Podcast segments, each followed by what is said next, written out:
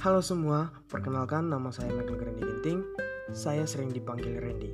Saya mahasiswa dari Institut Teknologi Sumatera yang sering disebut ITERA. Saya sendiri berasal dari prodi TEKSIP atau Program Studi Teknik Sipil.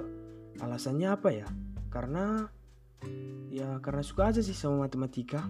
Eh, lebih ke cinta sih. Iya, seperti aku mencintainya. Eh, malah curhat lagi. Maaf, maaf. Oke, kita lanjut ke topik dari podcast saya ini. Pada podcast saya kali ini, saya akan membahas rencana saya di masa depan. Atau ya, plan future gitu. Ini saya gak bakal ngomong panjang lebar kok. Langsung aja plan saya yang pertama. Yang pertama itu pastinya pandemi ini segera berakhir. Alasannya kenapa? Ya karena saya pengen merasakan dunia perkuliahan saya itu offline gitu.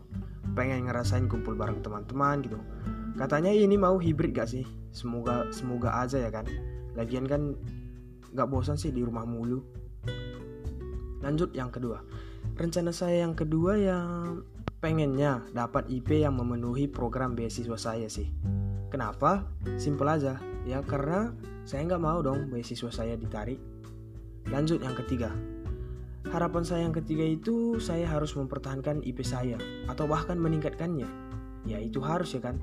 Masa mempertahankan hubungan doang bisa, tapi mempertahankan IP kagak? Ya supaya IP kita tetap meningkat, solusinya apa ya? Ya kalau solusinya menurut saya belajar aja sih. Iya belajar sambil dibarengi dengan doa ya kan. Intinya lebih giat sih, ya. Lanjut rencana saya yang keempat.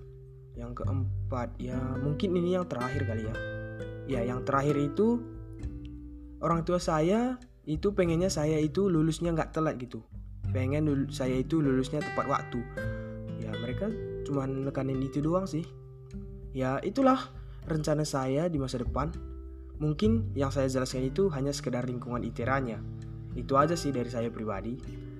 Atau kalian mau nggak dengerin cerita cinta saya? Eh, gak usah lah ya, gak penting juga kan. Oke, mungkin itu rencana saya ke depannya dari saya pribadi. Kalau ada perkataan saya yang kurang berkenan ya, ya dimohon dimaafkan. Manusia kan gak ada yang sempurna ya. Sekian dari saya dan terima kasih.